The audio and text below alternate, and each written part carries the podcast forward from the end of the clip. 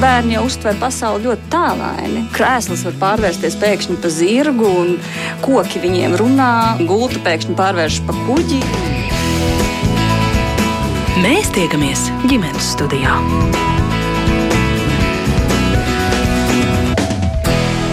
Sveicināti! Balsis, kas aicinātu aizdomāties par tā saucamo sistēmas bērnu likteņiem, pēdējos gados pieklusušas, un it kā tam ir arī pamats. Bērnamos dzīvojošo bērnu skaits pēdējos gados ievērojami samazinājies. Šie bērni vairs nedzīvo lielos namos, bet visbiežāk dzīvokļos, kur viņiem ir ar sadzīves un citām grūtībām palīdz tikt galā audzinātājs. Adopcija uz ārvalstīm ievērojami piebremzēta, palielinās auģu ģimeņu skaits un tās kļūst aizvien profesionālākas profesionālāks. Tā varētu turpināt tomēr katra viena bērna sāpe, kurš joprojām aug sistēmā, paliek. Un to atgādina spēļu filma Māsas. Filma oktobrī būs skatām Latvijas kinoteātros. Eh, ģimenes studijai bija iespēja šo filmu jau noskatīties, un tās iedvesmoti uz sarunu esam aicinājuši filmas māsas režisori, arī scenāristi Lindu Olti. Sveiki! Labdien šeit studijā! Eh, labdien arī Auģu ģimeņa atbalsta centra tilts vadītājam Kasparam Prūs. Būsim. Labdien. Un sveiciens arī sistēmiskā ģimenes psihoterapeitei Andrijai Viškerei. Labdien. Un attālināt sveicinu arī Danu Franci mammu, kur ir uzdrošinājusies adoptēt bērnu. Par to mēs arī parunāsim sarunas gaitā. Eh, bet vispirms vēršos pie Lindas. Tātad pavisam īsi par šīs filmas sižetu. Tiešām stāsts par divām māsām. Vienai 9 gadi, vienai 12 vai 13. 13, 13 jā. abas Jā. dzīvo bērnu namā. Mhm. Uh -huh. Un ir tas laimīgais brīdis, ka ierad, ierodas vai ir izteikuši vēlmi viņas adoptēt, adoptētāji no Amerikas Savienotajām valstīm. Un tad tur arī viss sagriežas. Ko jūs Jā. vēl par to filmu gribētu jau šobrīd pastāstīt? Jā, nu, tas galvenais, laikam, eh, teiksim, tas tā izvēle lielākā, kas jāizdara galvenai varonai, ko viņai darīt. Vai viņai doties līdzi uz eh, šo te svešo valsti, bet ar mīlošu ģimeni, bet kas ir, protams, pavisam kaut kas cits, kā viņai ir pierasts, eh, nu, vai viņa tomēr. Um, Viņa ļoti, protams, grib un cer nodibināt kontaktu ar savu māmu, bet, kā mēs filmā redzam, mamma nu, nav pārāk stabila un nespēja īsti uzņemties atbildību par savu bērnu. Līdz ar to nu, jā, tas ir tā, tā viņas lielākā dilēma. Uh, filma ļoti ticama. Es skatoties, noticēju, un šķiet, ka tiešām tas ir stāsts nevis uh, par nu, izdomāts, ka tā nav spēle, bet ka tā ir dzīve. Mm -hmm, paldies! Man tas ir medus, es varu dzirdēt, ka tas ir īsti. Jo, protams, tas priekš manis kā režisors bija pats galvenais uzdevums, lai tas viss ir īsti, nevis kaut kāda plasmas, ko mēs uztaisām. Bet, nu jā, vispirms es gribēju dokumentālu filmu taisīt, bet tad viss eh, dēļ personu datu aizsardzības regulām es nevarēju to izdarīt, un tad mēs um, pārslēdzāmies uz spēlu filmu, un tas pat eh, tagad es saprotu, ka ļoti labi, jo es varēju daudz, um, teiksim, tādu izpēti veikcot ar uh, audzinātājiem bērniem, ar mamām arī, kas ir atstājuši savus bērnus runāt, un tos puzles gabaliņus tādā veidā savākt, un tad salikt to pats savu stāstu. Un, protams, ka mēs ļoti daudz gājām kopā ar operatoru, braucām arī uz bērnamiem, veidojām viņiem meistarklases, bet tajā pašā laikā es, protams, nu, vēroju bērnus, ja tā bija man tāda iespēja būt tū klāt, un, un gāju arī uz uh, auģu vecāku apmācības kursiem. Paldies Kasparam, kas man pieņēma tiltā. Nu, tā, ka mēģināju uzsūkt visu maksimāli, nu, jebkuru detaļu. Nu, tā. Bet droši vien arī redzējāt šīs sistēmas, šī brīža plusus un mīnusus. Un es te sāku tā ļoti cerīgi, ka, ja atskatāmies nu, pēdējo piecu gadu laikā, kad tiešām arī Latvijas rādio vispār sabiedriskie mēdīji aktualizē šo problēmu, atceramies šo sistēmas bērnu seriālu, tad tomēr daudz kas mainījies uz labu. Vai jūs tā neteiktu? Jā, liela nopūta. Es īsti nezinu. Es varbūt, domāju, varbūt man kolēģi, kas šeit studijā, varbūt vairāk, bet nu, ir iekšā, bet teiksim, tas mans vērojums. Nu, piemēram, tas viens konkrētais bērnams, kur es bieži braucu ciemoties, uh, viņš agrāk saucās bērnu nams. Tagad tur ir vienkārši nomainīta šilta, ka tas ir uh, bērnu un jauniešu centrs. Tie tie paši bērni, tā ir tā pati māja, tie tie paši audzinātāji. Es ceru, ka tur kaut kas ir izmainījies, bet uh, kas ir izmainījies? Nu, man, man nav līdz galam tā pilnā bilde. Jo, piemēram, tas, ka, uh, ka mēs uh, varam uzņemt augu ģimenēs un adoptēt paši savus bērnus, tas ir brīnišķīgi. Bet es zinu, ka arī bieži vien uh, nu, ir dažādi stāsti, kad arī bērni prasās no augu ģimenēm atpakaļ uz uh, bērnu namu tikai tāpēc, ka viņus tur kalpina, viņus tur verdzina, liek strādāt vai slikti izturās un tam līdzīgi. Nu, tā, ka, tas, tā, tas mans vērojums ir ir, tas ir brīnišķīgi, ka no tūkstotis bērniem šobrīd oficiāli skaitās 500. Bet, uh, Nu jā, vai mēs droši zinām, tiešām, kā uh, viņiem visiem iet, jo pēc arī pagājušā gada datiem, ja es pareizi atceros, tūkstots bērni tika, tika izņemti no ģimenēm. Kas ar viņiem notiek, kur viņi ir, kā viņiem klājas, vai mēs to zinām, vai viņi vienkārši smuki ielikt kaut kādās uh, ailītēs. Mm -hmm. Andrija, jūs tiešām aktualizējāt arī pirms pāris gadiem. Jūs bijāt tā, kur teica, nē, šādi vairs nevar turpināties, un šeit bērni institūcijā nevar dzīvot. Mm -hmm. Jūs tomēr redzat, ka ir tās labās izmaiņas notikušas, par kurām es minēju? Jā, ir daudz labu izmaiņu noticis. Ir cilvēki kļuvuši daudz apzinātāki, ir izveidoti atbalsta centri, ir uh, daudz izglītotāki šie, šīs uzņemošās ģimenes kļuvušas. Tomēr jāteic, ka līdzīgi kā Linda minēja, kad uh, nomainās nosaukumi aprūpes centriem, uh, nomainās ēkas, sienas, bet pēc būtības tas tomēr neatrisina bērnu vajadzību būt ģimenē. Jo es neteiktu tā, ka ir ļoti, ļoti pieaudzis augu ģimeņu skaits vai uzņemošo ģimeņu skaits, un Covid laiks un arī šī brīža fons apgrūtina iespējams uzņemties tādu veidu atbildību, par kuru daudz cilvēku iespējams ir gatavi nu, stāties šī augu vecāka vai aizbildņa nu, tādā teikt, lomā un uzņemties šo atbildību. Bet tā grūtība ir tā, ko es redzu arī bērnos, ka bērni izaug, es uh, uzturu kontaktu ar bērniem. Uh, tad, kur, kur jau tagad ir pieci gadi pagājuši kopš 2017. gada, un kuri ir izauguši, un kuriem ir vairāk par 18 gadiem, un viņi spēja daudz vairāk kādus stāstus pastāstīt, tad uh, diezgan jāteic, ka šīs rūpes ir formālas, ir atsevišķi, atsevišķi uh, izrādītas rūpes uh, ar atbalsta centru iniciatīvu bērniem, un tiek rosināts auģi ģimenes parūpēties par bērniem, bet tas notiek tādā kampaņu veidā diezgan. Un, bērni joprojām ir šajās sakropļotajās institūcijās, bērnu namos, tikai zem citiem nosaukumiem. Un es teiktu, tā, ka būtu nepieciešama lielāks valsts atbalsts un ieinteresētība un veicināt arī šo godpilno un arī uh, tiešām jūtos pateicīgi arī auģu ģimenēm un aizbildņiem un adaptētājiem, tiem cilvēkiem, kuri varonīgi ir uzņēmušies šīs rūpes un ar lielāko gādību, tās ģimenes, kuras ar lielāko gādību rūpēs par bērniem, bet bērni aprūpas centros joprojām atrodas. Bērniem klājas grūti, kā mēs redzam, fragmentāli arī presē parādās šī informācija, ka bērni cieši dažādos centros no vardarbības, viņiem nav vajadzības apmierinātas, viņi bēguļo. Un, un, netiek tādas, tāda gādība, es teiktu, tādā pilnā apmērā, kā mēs varbūt uh, iedomātos nodrošināt. Ja. Nu, varbūt tiešām ir vairāk un biežāk jāaktualizē, kā bērns mm. jūtas, kā šis bērns jūtas. Starp citu, filma māsas to lieliski parāda. Mm. Uh, varbūt uh, kas par jūs piebilst, jo tas jau ir svarīgākais. Katrs tas bērns, kas tur dzīvo, ko viņš īsti izdzīvo dzīvojot šādā institūcijā? Nu, jā, jau viens jau ir tā statistika, kas izskatās nu, labāk mm. mūsu valstī, un, un ir jau tas progress. Un, ja es teiktu, ka nav progresa, tad es teiktu, ka mans darbs, ko es daru, ir slikti izdarīts, jo mūsu atbalsta centra mērķis bija uzlabot šo sistēmu un šo atbalstu ģimenēm.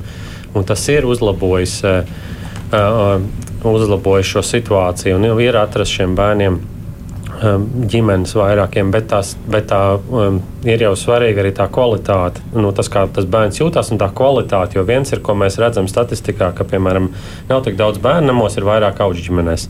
Tas ir ļoti labi, bet ir vēl viena statistika, kas bieži vien netiek uh, minēta - bērna ceļošana starp augu ģimenēm. Jo viņš it kā ir augu ģimenē, bet viņš varbūt ceļotāju gadu laikā vai piecu gadu laikā piecreiz nomaina augu ģimeni, kas varbūt pat ir vēl sliktāk nekā ja viņš būtu vien, uz bērnam uz vietas bijis, nekā piecreiz nomainījis ģimeni. Un, un tas īsti neparāda statistika. Ja papēta dziļāk inspekcijas statistiku, tad var redzēt, ka, kad vismaz, eh, ko es pētīju pirms diviem, trim gadiem, statistika bija tāda, ka, ja bērns tiek ievietots augu ģimenē, tad, eh, tad gada laikā 20% no šiem bērniem tiks ievietoti kaut kur citur, vai uz citu augu ģimeni, vai uz bērnam atpakaļ. Tas ir katrs piektais bērns. Tiek, kurš ievietots augu ģimenē, it kā atradām ģimeni, bet gada laikā viņš pārvietosies uz citu augu ģimeni vai atpakaļ uz bērnam. Un to īsti neparāda šī statistika. Viņi tur ceļo, bet ļoti daudz tur ceļo. Un tas ir viens tāds no tās kvalitātes aspektiem nu, ka bērni ceļo. Tas ir ļoti traumatiski. Ļoti, ļoti traum, viena no traumatiskākām lietām, kas bērnam var būt, ka viņiem ir jāceļo starp ģimenēm un jāmaina šis aprūpētājs. Jo kvalitātes aprūpes galvenais rādītājs, patiesībā tas, kas mums galvenais jānodrošina, ir tas, ka bērnam ir pastāvīgs aprūpētājs, mīlošs, gādīgs, pastāvīgs aprūpētājs. Dana, Jūs piekrītoši visu laiku mājāt ar galvu, kamēr Kaspars runāja, un jūs esat viens no tiem gādīgajiem, mīlošajiem aprūpētājiem. Uh, par to, kā bērni jūtas un kā viņiem labāk palīdzēt, jums droši vien ir savs tāds ļoti personisks viedoklis. Es tiešām piekrītu, ko Kaspars sacīja. Tie bērni, kuri tiek um, pārcelti no vienas ģimenes, otrās, trešās, ceturtās, viņiem varētu veidoties tāda Es nezinu, kā ir precīzi psiholoģisks termins, bet tas varētu tāds, kā, ka viņš beigās vairs nenotic, ka viņu mīl. Un beigās uh, viņš nākotnē vairs neveidos attiecības mīlot. Viņš vairs pats nespēs iemīlēt, jeb ne, nespēs noticēt tam, ka viņam ir nu, attiecības, kurās viņš patiešām mīl. Manā stāstā man jau ir veiksmīgs nosacīts stāsts. Tas ir uh, zīdainīte. Protams, viņa bija problemātiska. Viņa piedzima stipri pirms laika bioloģiskajai mammītei seši mēne, sešos mēnešos, un viņai tur viss bija tā, ka man, kā man doktori pēc tam teica, nu, neceriet, šī meitenīte vidusskolu varbūt nepabeigs, neceriet. Daudz dažādu stāstu par to, cik nu varētu būt slikti. Bet, lūk, runājot par to mīlošo aprūpi, tad šobrīd Jankundzei viss ir tieši tik labi, ka ārsti pat nesaprot, nu kā tas tā ir sanācis, ka bērnam kuram nu, tika mm, definētas tāda, tāda, tāda seko uzskaitījums problēma. Viss ir kārtībā. Bērns ir mentāli attīstīts, intelektuāli attīstīts, fiziski attīstīts. Viss ir lieliski. Un tā lielākā problēma patiesībā, manuprāt, ir, ka es pati zinu vairākas ģimenes, brīnišķīgas ģimenes, kuri vēlētos adoptēt. Bet viņiem ir bail. Un nevis bail no problēmām, ar ko viņi saskart, saskartos, bet bail no birokrātijas entie cilvēki man prasa, nu, cik gadi tev bija jāgaida? Nu, necik. Es gāju un nu, ātri vien sakārtoju, un šie bērni ir. Bet viņiem ir bail, jo radojas priekšstats. Otrās bailes ir, kā man taču viņi pēc tam jāatņems, ja es būšu aizbildnis vai es būšu audzu, audzu ģimene. Ir bailes, nezina, neziņa, un pēc tam, ka man atņems viņu.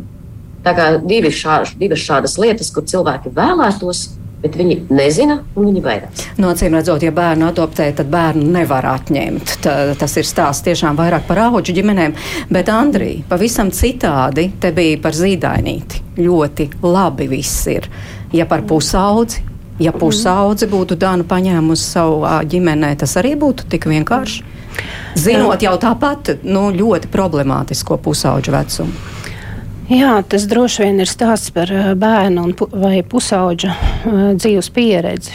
Tur, kur, kurā brīdī pusau, pusaudzim notiek šīs traumatiskās pieredzes, attiecību pieredzes, Te ir runa par piesaisti, par to, vai bērnam ir bijusi vispār pieredze drošās emocionālās attiecībās, vai viņ, viņš jebkad eh, vispār ir piedzīvojis vai pieredzējis to, kas ir drošas emocionālas attiecības. Jo vārds mīlestība vai drošība ir tāda abstrakta jēdziena, un, un bieži vien arī nu, bērni no sirds tiešām gribētu izrādīt savu patikšanu un pieķeršanos, bet pirmkārt viņiem nav bijusi pieredze, viņiem nav prasmju, un tas pieaugušais ir tas, kurš rāda šo ceļu. Mēs liekam liels cerības uz uh, pieaugušajiem, kuriem būtu šīs prasmes, būtu tā kompetence arī ko nu pat arī runāja Oģmāma, kad uh, arī šī birokrātiskā sistēma ar visu savu attieksmi un, un lielākoties ar to, ka ir daudz zināšanu caurumi, kā attiekties, kā iedrošināt, kā atbalstīt šo, šīs uzņemošās ģimenes, rada milzīgu spriedzi. Varbūt pat, pat neapzinoties eh,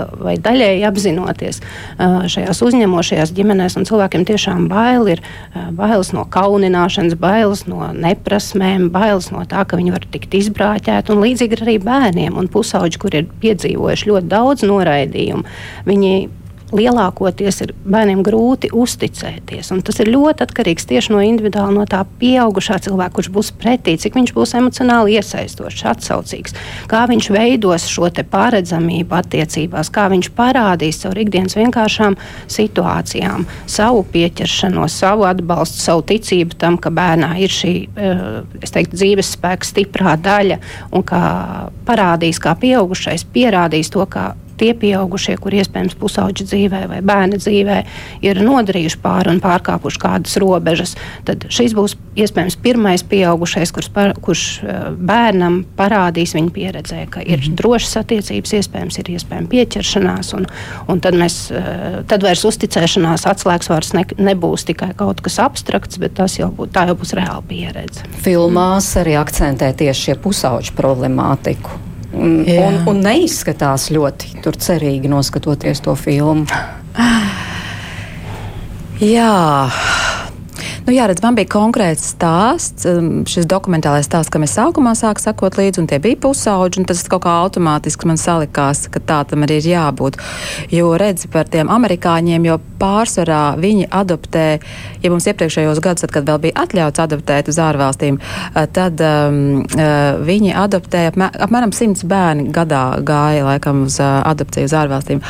Un viņi adoptē pārsvarā pusauģus, Eh, vai nu bērns ar funkcionāliem traucējumiem, vai nu bērnu grupas. Līdz ar to vienkārši nu, attīstot to stāstu, skaidrs, ja es gribu, lai manā stāstā šī ārzemju eh, ģimene adoptē, tad skaidrs, ka tie ir pusauģi. Nu, tā, tā atnāca pusauģa ideja. Nu jā, bet tomēr tas stāsts par pusaudzi bija ļoti dramatisma pilns. Um, Kurš ir šajā situācijā? Kurš dzīvo bērnu namā, kuram tagad lūk uzradies adoptētājs? Ar, Jā. piemēram, ar, ar, ar šīs pusaudzes māsu, kura ir gados jaunāka, viņa kaut kā vienkāršāk to visu izdzīvo. Jā, nu, laikam man tas 13 gadniecis, tas um, vecums pašā šķita jā, ļoti interesants, ka tu vairs neesi tāds bērniņš, tieši tā kā mazā deviņgadniece, kas varbūt vairāk ir atvērta un, un plūst līdzi un, un, un um, patiesībā tik labi nemaz arī nepazīst savu īsto māmu, kas šajā gadījumā ir plus. Uh, redz, Anastasijai. Um, Viņai jau ir jāizdara šī izvēle, ko tad lai viņa dara. Un tad ir lielā māsa, kur mēs redzam, kas var būt uh, Anastasijas um, nākotne.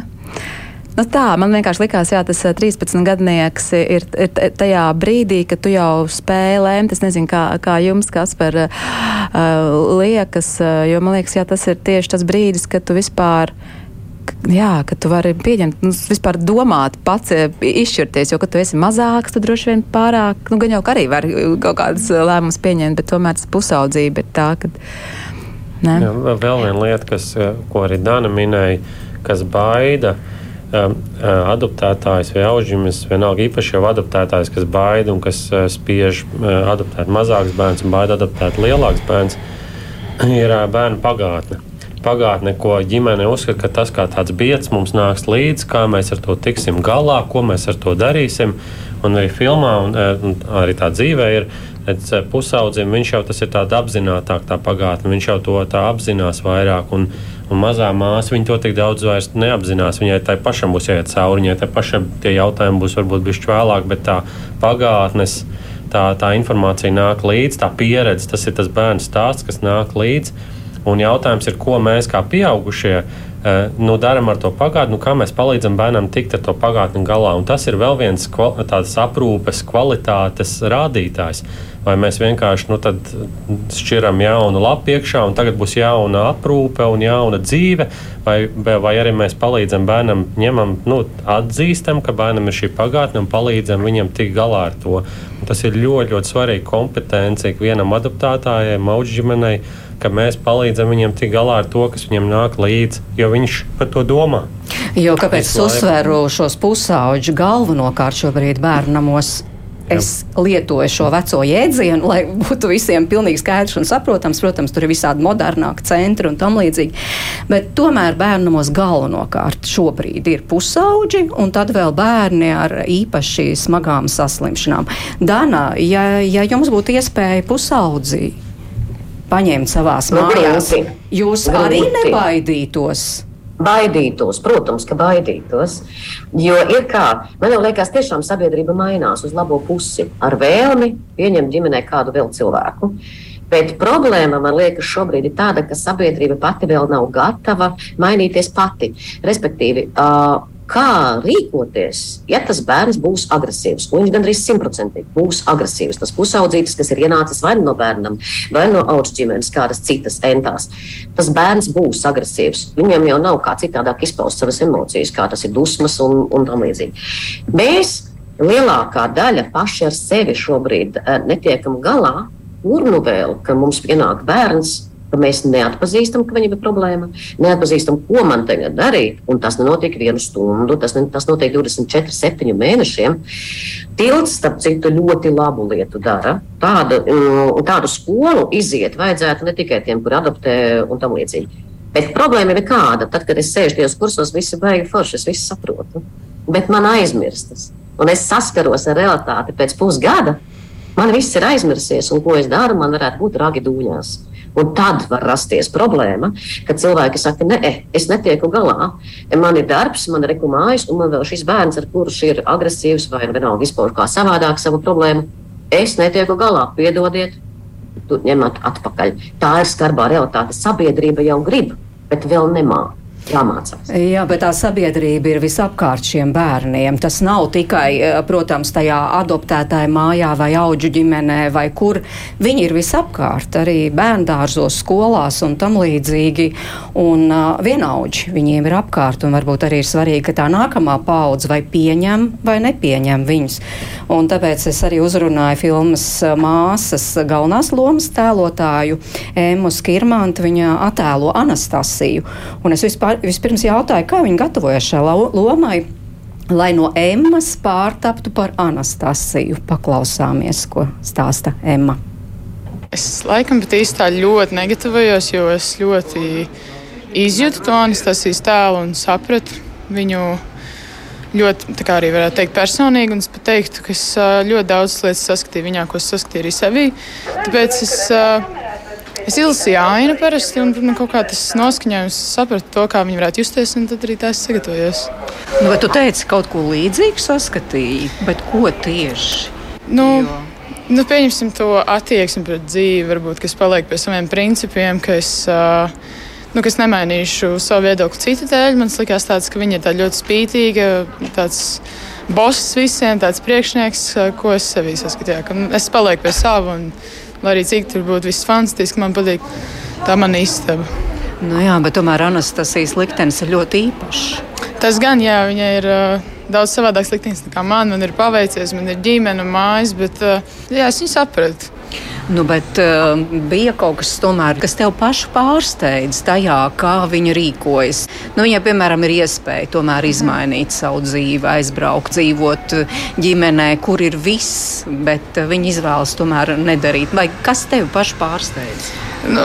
Man laikam nekas nepārsteidz, jo, ja godīgi, es, man liekas, būtu viņas vietās arī laikam nebraukt uz Ameriku. Man patīk tā mana telpa, kā jau minēju, bet uh, Tas, kas man pārsteidz, bija tas viņas rīcības, tas dzīves stils, tā zakšana. Tas nav nekas jauns, bet man tas nav kas, ka tas tiešām ir tik, tik nopietni, ka viņi tur ierēp tiem maziem bērniem, kur viņi to saldējumu tur izsmērē viņam sejā. Nu, viņai tā kā pilnīgi fiziski jau gribas darīt pāri, viņai tā sāpe ir tik liela, tas man bija tāds pārsteigums.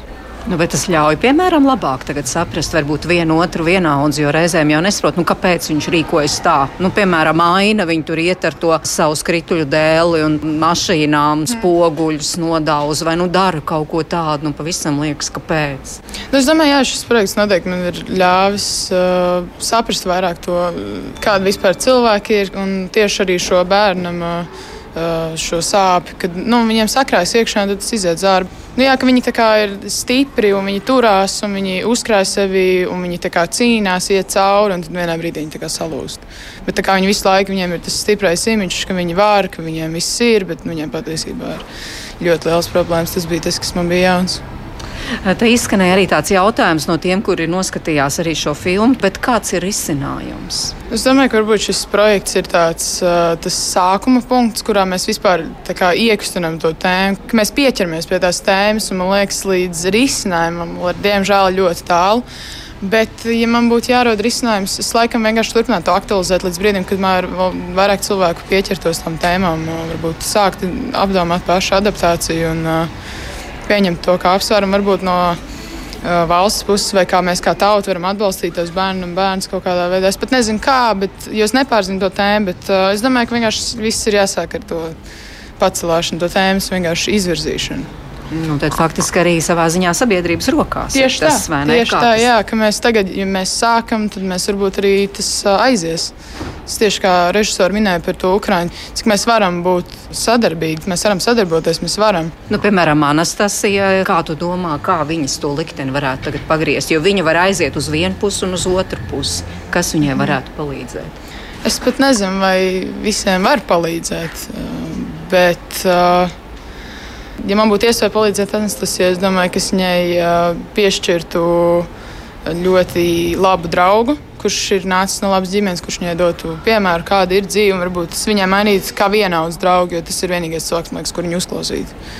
Ja tas ir pieaugušais, tad nē, nebūs. Un ja tā ir māsa, tā ir ģimenes savādāk, bet tiešām tādu ļoti labu, tuvu draugu, kurš varbūt atvērs viņai acis.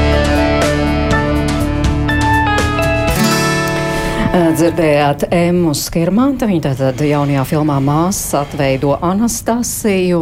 Kā, kā zināms, kā mēs dzirdējām, Anastasija ir pusaudze, kura dzīvo bērnamā, kurai ir iespēja atrast īstu ģimeni. Tātad viņu ir gatava adoptēt. Uh, auģi, nevi, adoptēt ģimeni no Amerikas Savienotajām valstīm, bet viņi saka, nē, viņi meklē savu māmu, grib nodibināt ar viņu ciešākas attiecības un paliek šeit. Um, jā, tieši šī filma mums ļāva aktualizēt šo tēmu kārtējo reizi ģimenes studijā, un es atgādinu, ka mūsu studijā šodien ir filmas māsas režisors, scenāriste Linda Olte, arī auģi ģimeņa atbalsta centra tilts vadītājs Kaspars Prūsis, sistēmiskā ģimenes psihoterapeita Andrija Višker un arī ļoti drosmīga veiksmīga mamma, es teikšu, Dana Francē, kura ir adoptējusi bērniņu, un es saprotu, ka procesā ir jau ir divi, jā, vai jūs tikai grasāties vēl to otru adoptēt? Nē, viens jau ir adaptēts jau pirms pieciem gadiem, un tagad izējām uh, otro po, adopcijas posmu, un tagad ir otrā meita. Tagad mums būs meitiņa.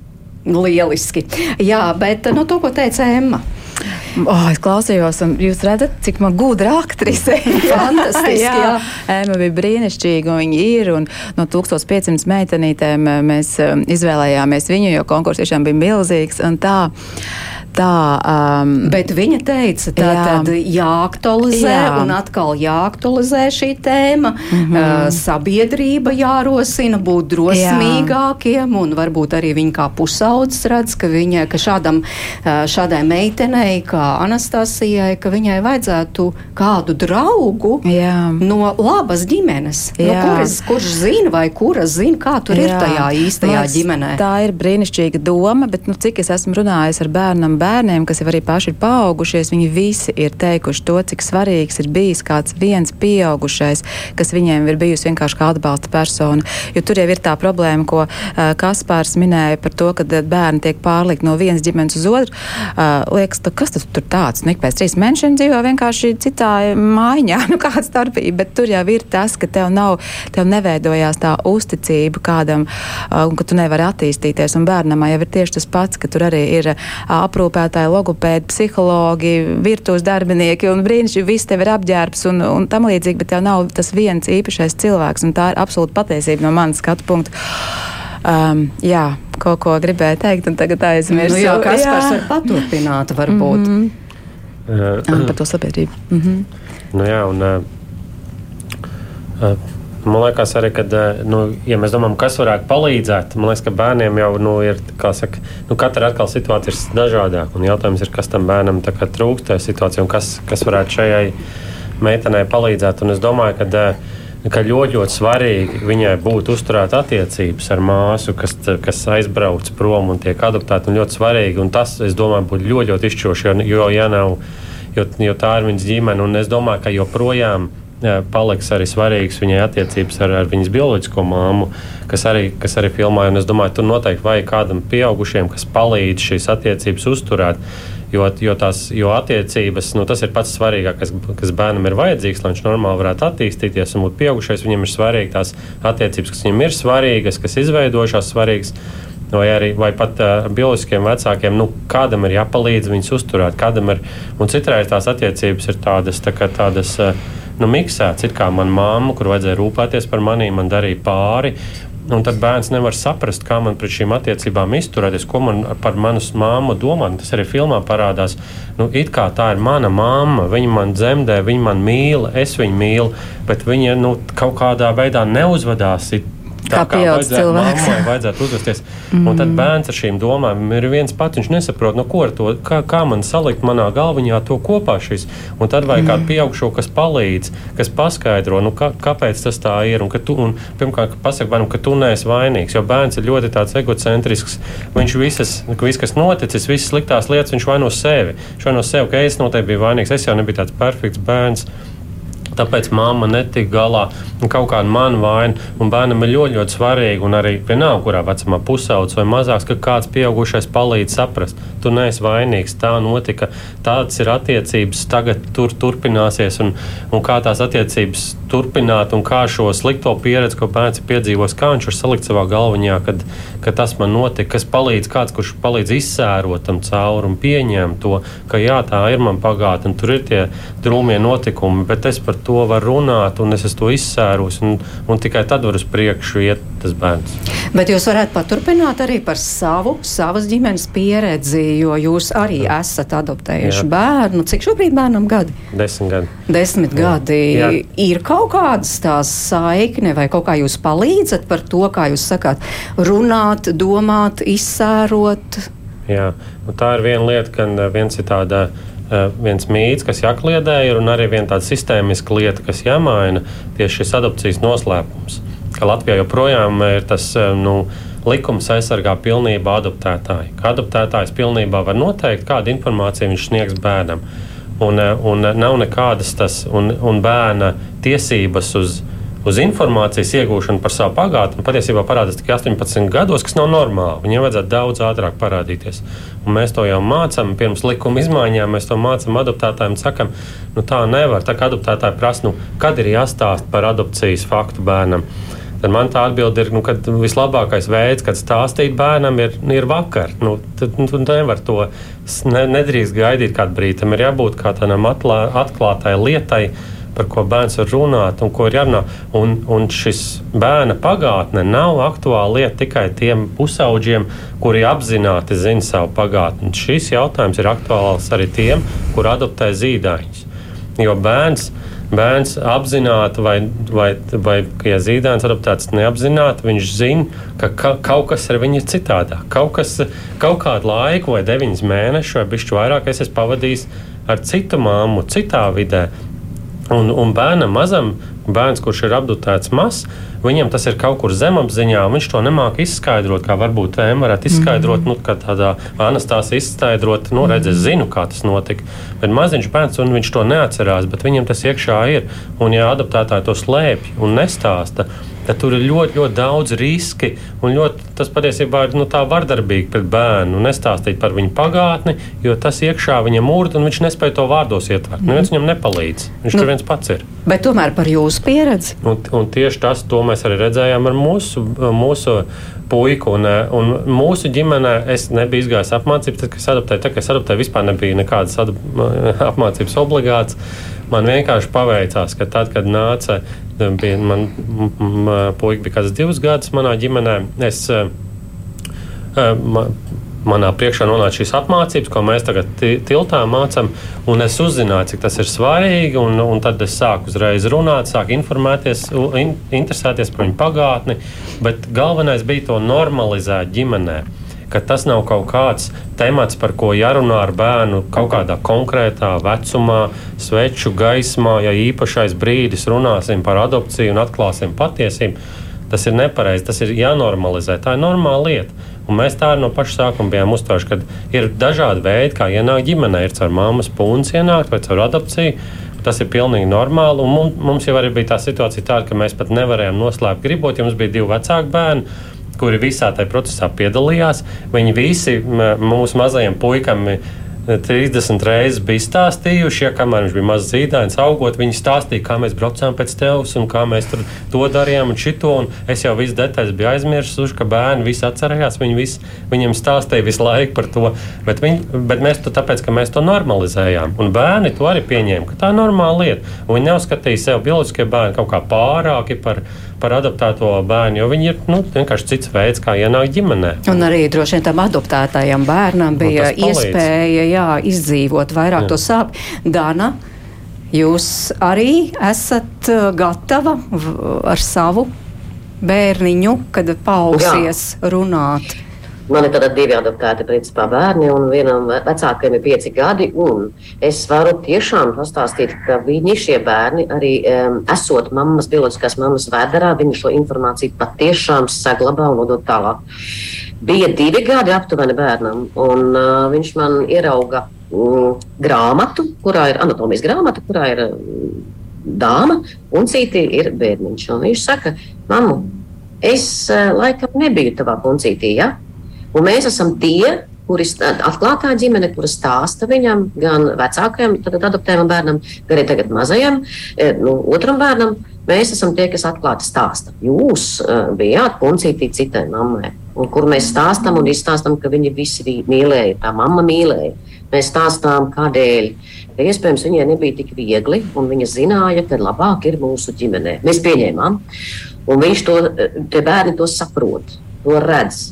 Un, uh, viņi abi apzinās, ka viņi ir bērni, kas ir ienākuši šajā ģimenē, kur viņi ir ļoti mīlēti un ir mamma un tētis, bet ka viņiem viņi ir piedzimuši citai mammai. No, no, jā, citai mammai. Tie, mēs esam tie, kas atklāti to stāsta jau sen. Mm -hmm. Adriāna, ko jūs vēl piebilstu tieši no tā kā speciālists šeit? Mm. Tas, kas jau izskanēja, ko jūs vēl piebilst? Jā, es domāju par to, ka uh, visi cilvēki vēlas būt pieņemti, un, protams, arī bērni un pusauģi. Un, uh, te ir mums kā pieaugušiem droši vien jāredz tā bērnu vajadzība, līdzīgi arī kā filmā, brīnišķīgajā filmā mēs to redzam, kad Anastasija tiecās uh, būt kontaktā ar savu bioloģisko māmu un uh, meklē, meklē šo saikni. Iespējams, ka viņai varētu palīdzēt, pieņemsim, arī šai filmā mēs varam paskatīties, ka arī jau kā bērnam vadītāji, kur mēģināja ar viņu kontaktēties, arī bija labs resurss viņas ceļā.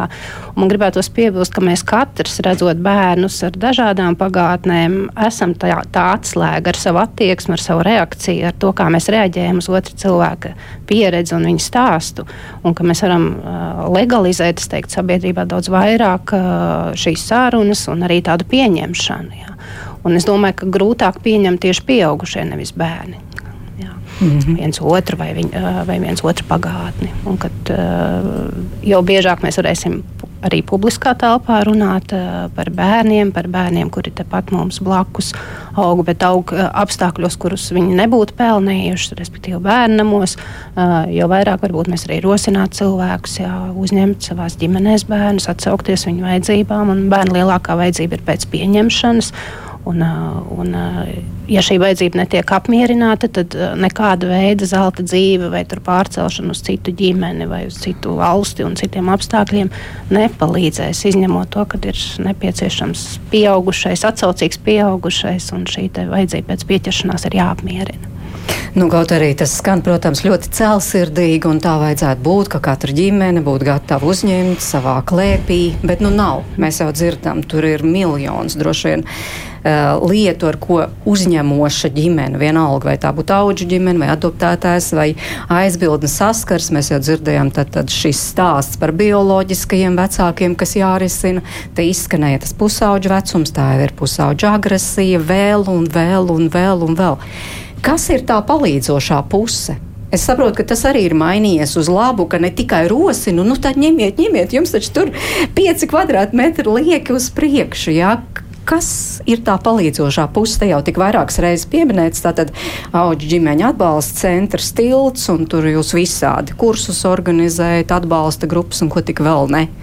Tā kā faktiski tā bāze ir, lai palīdzētu tiem drosmīgajiem, kur izšķirās. Jā, nu, tā situācija ir ļoti, ļoti mainījusies kopš tā brīža, kad es adaptēju, kā es minēju, man nekas nebija. Es biju psihologa, aizgāju psihologu pāris vizītes, un tas bija viss. Un esi gatavs adaptētājs, un es biju pilnīgi nesagatavots, un es daudz kļūdas izdarīju sākumā. Un, Un tas, ta, tas ir mainījies, un tas ir ļoti labi, kad ir apmācības un kad uh, es nevaru teikt par visiem atbalsta centriem, uh, bet es zinu, ka ka vairumā atbalsta centri ir labas un kvalitīvas apmācības, un tās nav tikai ķeksīšu pēc, bet tās ir, nu, tās ir tādas, kas tiešām ir noderīgas. Un, un es pat teiktu, līdzīgi kā Dana minēja, ka viens ir, kad tu izaitu apmācību ejot uz to procesu, bet pēc tam noteikti katram atbalsta centram vajadzētu nodrošināt vēlreiz apmācības tās pašas, kad bērns tiek ievietots ģimenē. Tad ir pilnīgi ar citām acīm, tu skaties pilnīgi citādāk.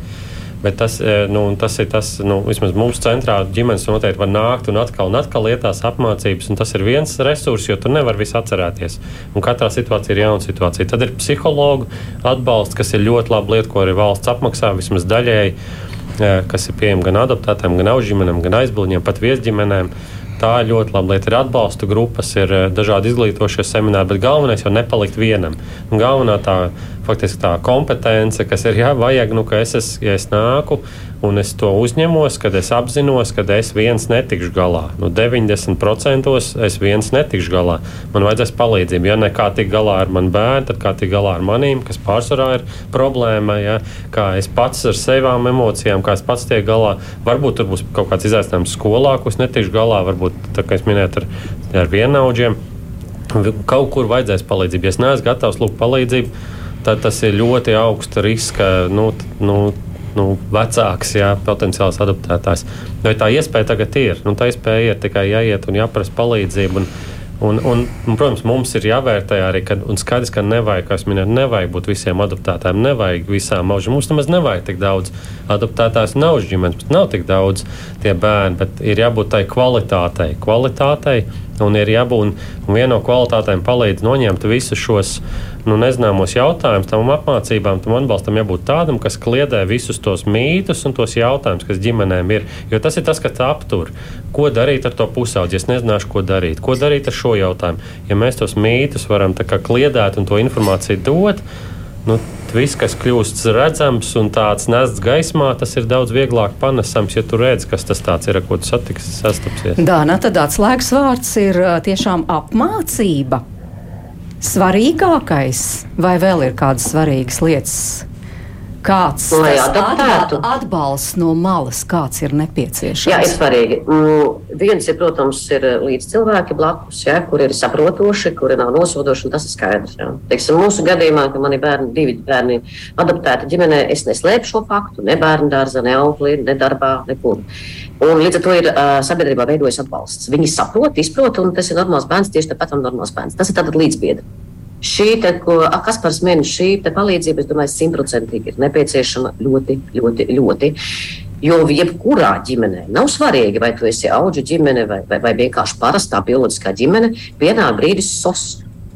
Un es netieku galā. Aiziet īsajā. Ja? Man vajag kaut kādu palīdzību. Bet mums ir jāsāk pierast, ka es drīkstu lūgt palīdzību. Es drīkstu būt vāja, es drīkstu nezināt. Un tad man ir jāzina, ka ekreku es varu uh, vērsties tur, tur, tur. Un tā nav instance, kur mani vērtīs un pārbaudīs, vai tiešām es daru, vai tikai man tūlīt neatņems tiesības, ja jau es esmu vāja. Bet tā ir cilvēki, tā, tā ir vieta, kur ir cilvēki, kuri tieši tādi pat kā, kā es, tikai mazliet gudrāki. Vai arī vienkārši zinošāku un lielāku pieredzi. Mm. Es, man... Jā, piedodiet, finanses. Finanses, finanses. atbalsts, finansiāls atbalsts. Svarīgs? Um, es nebūšu labākais piemērs. Man ar finansēm viss ir ļoti ok. Piedošana. Uh, tā, bet, jā, bet, um, bet es domāju, ka, piemēram, tā, kad es gāju kursus tiltā, tad uh, arī tur minēja konkrētus piemērus. Ja ir situācija, kas ir krīzes situācija, re, šeit tu vari pašvaldībā aiziet, ir konkrēti instrumenti, un man palīdz un pasaka, ja tev ir problēma, nebaidies pateikt, man nav naudas. Tas ir normāli. Ir tīpaši šodien. Mums ir problēma. Nav naudas. Rekur instruments, rekur instruments, rekur vēl. Un to tilts var palīdzēt. Vai citi tie tās no atbalsta centra. Linda, skats jā. no malas, jā. Skats no malas, apiedošana, es ne, nedzirdēju, ko, ko vispār Dana saka, bet tas, ko es gribēju nokomentēt Kasparam, par to, ka um, pie Kaspara teiktā tas, ka es arī pirms 12 gadiem biju viesģimene, viesģimenes status man bija, un es gāju un draudzējos ar vienu, dra, vienu puisīti, bet tieši tāpat kā Kaspars teica, adaptējot, arī man nebija nekādas vispār sagatavošanas, un es vienkārši izdegu, un es vedot mājā šo bērniņu tur par vānas istabas durvīm dzirdēju, kā audzinātājs, nu, tiekot galā ar viņu kliedz un tam līdzīgi, un man pēkšņi salikās, ka tas, ko es tad mājās uh, nesu, viņu vedu, mācu, rādu, uh, kā vārīt zupu un, un tam līdzīgi, ka, nu, kā, kā, vai tam ir kaut kāda jēga, un tā, priekš manis, es domāju, jā, tas jautājums, kas jums pats pašā sākumā bija par to, ka kas ir uzlabojums, noteikti tieši tā tās apmācības vai tās iespējas, ja es gribētu kādu atbalstu šajā brīdī, kad es tur esmu viena ar to bērniņu, eh, kad es šobrīd varu atrast, jo, jo skaidrs, kā vienkārši tādu mīlošu sirdi, nu, tu nevari kaut ko tādu uzņemties, man tā šķiet. Un otra lieta arī vēl vienkārši vēl ko Ēma eh, teica par to, ka mēs kā sabiedrība, ko ko mēs um, varētu varbūt darīt. Um, man filmā ir. Uh, tāds viens kadrs, kas man ļoti pašai patīk, kur Anastasijas mamma ir atnākusi uz bērnam pie Anastasijas ciemos, un tad viņi iet prom, un uh, Anastasija pa logu skatās uz mammu, bet mamma viņu neredz, jo bērnamā ir spoguļs tīkli, viņa redz tikai pats savu atspogu. Un man tā ir tāda spēcīga metafora, ka, kas strādā kā mums kā sabiedrībai, ka iespējams, ka mēs vienkārši šos cilvēkus neredzam. Un varbūt tas pirmais, svarīgākais ir vienkārši ieraudzīt, un tad jau redzēt, kā ved. Varbūt tas ir vispār sākt ar savu bērnu samīļošanu, un tad ej plašumā. Nu, tā. Mm -hmm. Jā, bet mm -hmm. varbūt uh, tas sabiedrības resurss kaut kādā ziņā jau ir izsmelts. Nu, un uh, jādomā tiešām par profesionālām ģimenēm, kuras patiešām ir apmācītas, finansiāli nodrošināts un kurām savā ziņā tas ir kā darbs. Jā, bet uh, un šajā gadījumā es vienkārši šeit varētu izpērt šo savu sāpi par to, ka ir šobrīd aizliegts šis aizliegums uz Ameriku uh, adoptēt bērnus, jo uh, mūsu sabiedrība, mans novērojums ir tāds, ka vēlas adoptēt mazus uh, zīdainīšus, veselus, kādus vēl pusauģus, piedošanu, atvainošanu. Mēs netiekam ar savām dzīvēm galā, ar saviem bērniem, saviem darbiem un tam līdzīgi. Ja? Un tagad šī iespēja šim bērnam ir liekta. Viņš nevar izvēlēties to vairāk, un tas man liekas absurds. Kas par? Es tik vēl gribēju komentēt to, ko. Un, kā, um, neiebilst, bet komentēt to, ko teica par viesģimeni. Mm -hmm. Ka liekas, nu, kāda jēga, un citreiz ir liekas, nu, kāda jēga man būtu par viesģimeni, kāda jēga man aiziet uz to bērnu, vai kāda jēga man veidot tās mazās attiecības, jo es jau nebūšu tas pastāvīgais aprūpētājs, mm -hmm. un varbūt nav jēgas, un es tikai došu vilcis cerības, un, un tas nebūs jēga. Bet es esmu dzirdējis stāstu no, no bērnam, bērniem, ka kad eh, nu, tam ir jēga, un tas pamatojums tam apakšā ir tāds, ka bērnam ir, lai, ir, lai būtu cerība, ka viņš varēs izveidot veselīgas eh, attiecības, eh, ģimeni, viņš, viņš nevar to izveidot teorētiski. Mēs nevaram izveidot labas attiecības, ja mēs zinām tikai teorētiski par labām attiecībām. Mums katram ir vajadzīga pieredze kā tas izskatās dzīvē, labas, kvalitatīvas attiecības, ģimenes dzīve, kā var vecāki nekauties un nestrīdēties un nelamāties un sarunāt. Viņiem tas ir jāredz. Un viesģimene var būt kā šis cerības stariņš, un tas piemērs, ka viņš ierauga, var citādāk. Tas var notikt citādāk. Un tikai tad parādās bērnam cerība, ka viņš to varēs izdzīvot savā dzīvē, ka viņš to ir piedzīvojis. Bez piedzīvošanas tas nav iespējams. Bet vairāk šādu profesionāļu ģimeni ģimeņu, kurām jau tas nu, savā ziņā ir darbs? Nu, Jā, tas, tas ir jautājums, kas ir jāvirza, bet es nedomāju, ka tas ir, nu, tas ir jāvirza nu, tādiem profesionāļiem, tad citu veidu diskusiju, tad kādu vajadzētu specifiski nu, vai pusauģiem noteikti vajag specializēt. Tas ir, tas ir jārisina.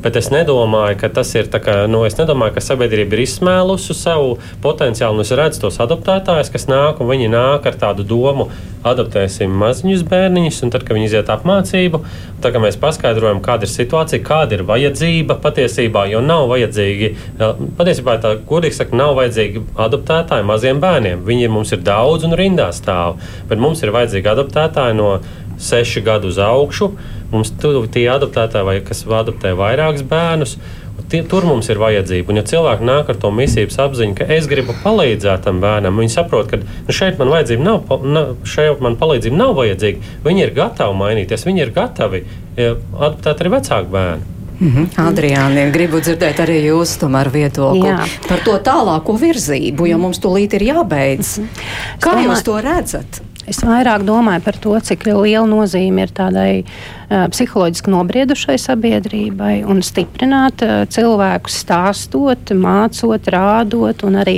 protams, ļoti būtiski, varbūt tas ir vairāk manās profesionālās interesēs, bet to es redzu, ka um, cilvēkiem, kuri ir pieņēmuši šo lēmumu, rūpēties par bērniem, uh, ir ļoti būtiski, ka viņi labi pazīst sevi, viņi ir izgājuši psihoterapiju, viņi ir sakārtojuši savus jautājumus ar savu pagātni, un viņi spēj bērnu atbalstīt tagadnē. Ja. Un te es teiktu tā, ka tam vecuma posmam, bērnu vecuma posmam nav, ne, nav nekāda nozīme. Tajā brīdī, kad uh, cilvēks saprot, ka viņš rūpēsies par bērnu un iedos, un apmierinās, uh, iedos šo atbalstu un apmierinās bērna vajadzības, nevis savējās. Jo, ja mēs domājam par ģimenēm vai cilvēkiem, kuri vēlas adaptēt konkrētu vecuma bērnu reizēm, tad diemžēl arī var šeit saskatīt, ka tā ir interese un pieaugušā cilvēka vajadzība apmierināšana, kad es gribu, lai manā skaistajā ģimenē ir tāda vecuma un tāda izskata bērns. Bet te mēs runājam par to, ka kamēr mūsu sabiedrības domāšana nemainīsies, kamēr mūsu pieredze nemainīsies, un pieredzi arī mēs varam iegūt tikai praktizējot, rādot, stāstot, piedzīvojot, mums ir svarīgi parūpēties par bērniem un bērnu vajadzībām, nevis otrādi. Un acīm redzot, arī grūti ticēt, ka realizācija realizēsies šis politiķu nospraustais mērķis, kuram jau vajadzēja pagājušajā gadā realizēties. Tātad 21. gadā jau nevajadzēja būt bērnu namiem un nevienam šādam bērnam. Mums klausītāji vis, Vita raksta, paldies, liels paldies visiem viesiem par jūsu darbu, par šīs tēmas aktualizēšanu, atzīstos.